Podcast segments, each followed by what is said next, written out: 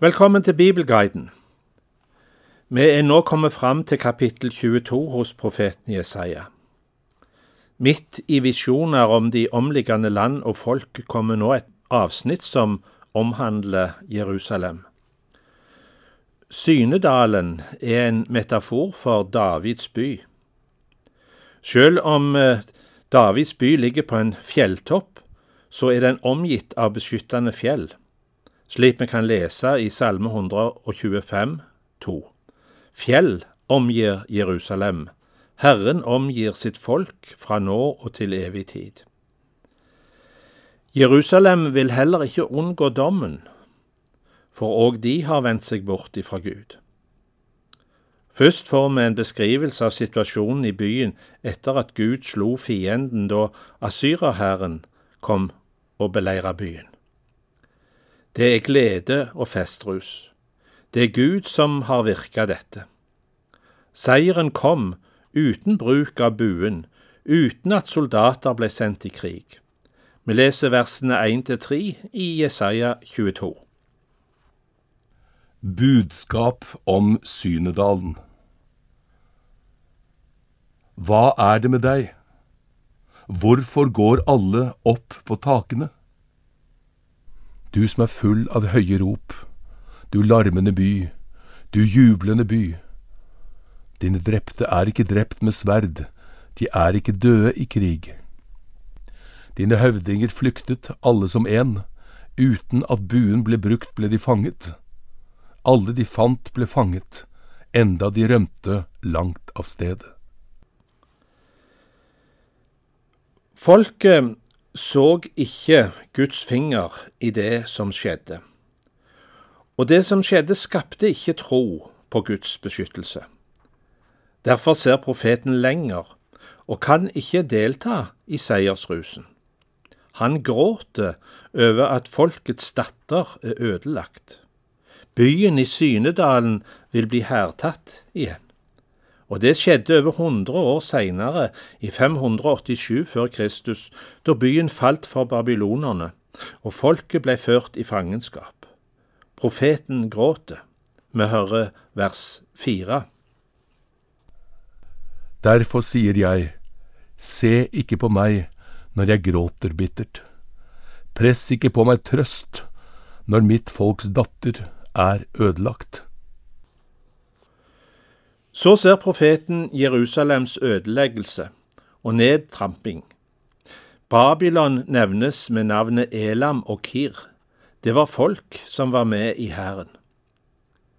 Det ble gjort forberedelser til å møte beleiringen, med bygging av nye vanndammer og fortetning av muren, og våpenlager i skogshuset ble sjekka.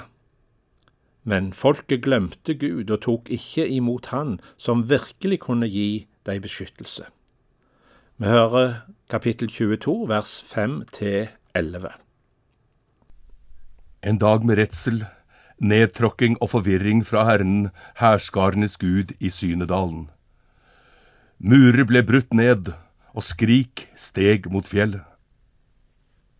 Elam løftet pilkoggere i tog av vogner, folk og hester, og Kir tok dekket av skjoldene.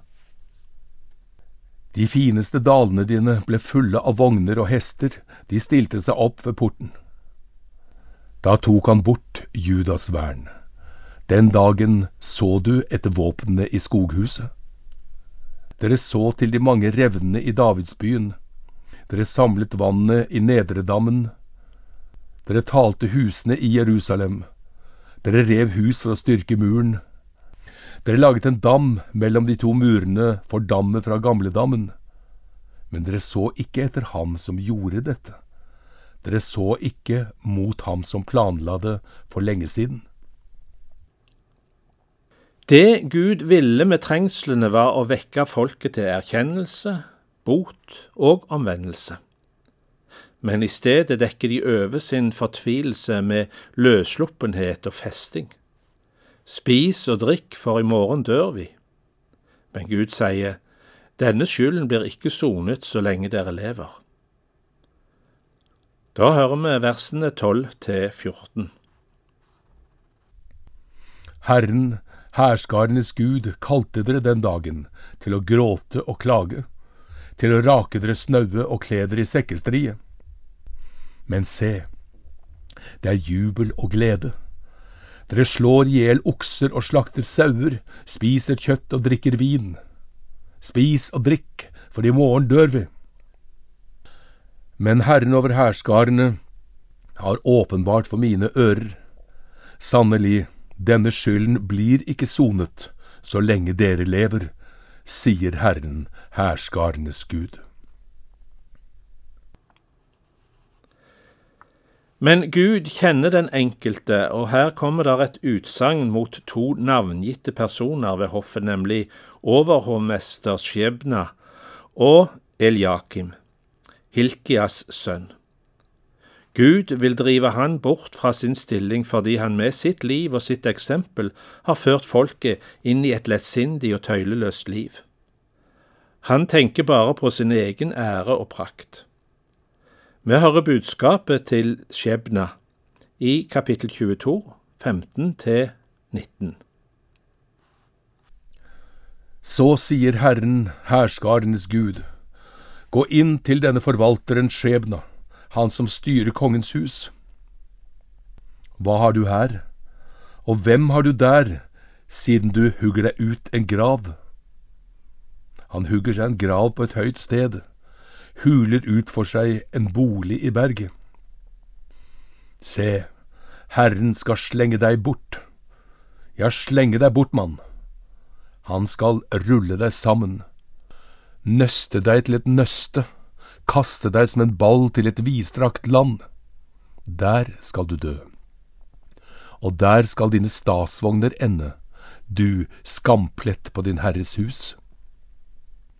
Jeg vil drive deg bort fra din stilling og rive deg ned fra din plass. Skjebna vil bli erstatta av Eljakim. Gjennom det vi hører om han, blir han et bilde på den kommende Messias. Han er Herrens tjener. Han skal få Davids nøkler, et bilde på den største makt. Herredømmet er på hans skuldre. Dette ordet er bakgrunnen for det oppdrag Peter fikk av Jesus, og den makt som ble gitt til kirka ved apostlene. Alt dere binder på jorden skal være bundet i himmelen, og det dere løser på jorden skal være løst i himmelen. Slik vi leser i Matteus 18, 18. Her i dette avsnittet har vi igjen et eksempel på at profetier om nær framtid veves sammen med profetier om det som ligger langt fram i tid. Vi hører ord til Eljakim i kapittel 22. Og den dagen vil jeg kalle på min tjener Eliakim, Hilkias sønn. Jeg vil kle ham i din drakt, spenne ditt belte om han, legge din makt i hans hender. Han skal være en far for Jerusalems innbyggere og Judas hus. Jeg legger nøkkelen til Davids hus på hans skulder. Når han åpner, skal ingen lukke, og når han lukker, skal ingen åpne. Jeg slår ham inn som en knagg på et sikkert sted. Han skal bli et æressete for sin fars hus. På ham skal de henge hele tyngden av hans fars hus, både spirer og blad, alle små kar fra skåler til krukker. Men sjøl Eljakim, som var utvalgt av Gud til en høy stilling, misbruker sin makt, og det urokkelige festet han var for folket, det vil løsne og falle ned. Alt som hang på den, skal knuses. Det er talende bilde profeten får se og forkynne. Vi hører det siste verset i kapittel 22. Den dagen, sier Herren over hærskarene, skal den løsne knaggen som har slått inn på et sikkert sted. Den skal rives ut og falle ned og det som hang på den, skal knuses, for Herren har talt. I neste utgave av Bibelguiden vil vi få høre at profeten Jesaja igjen vender sin røst mot et naboland, nemlig Tyros. Velkommen tilbake.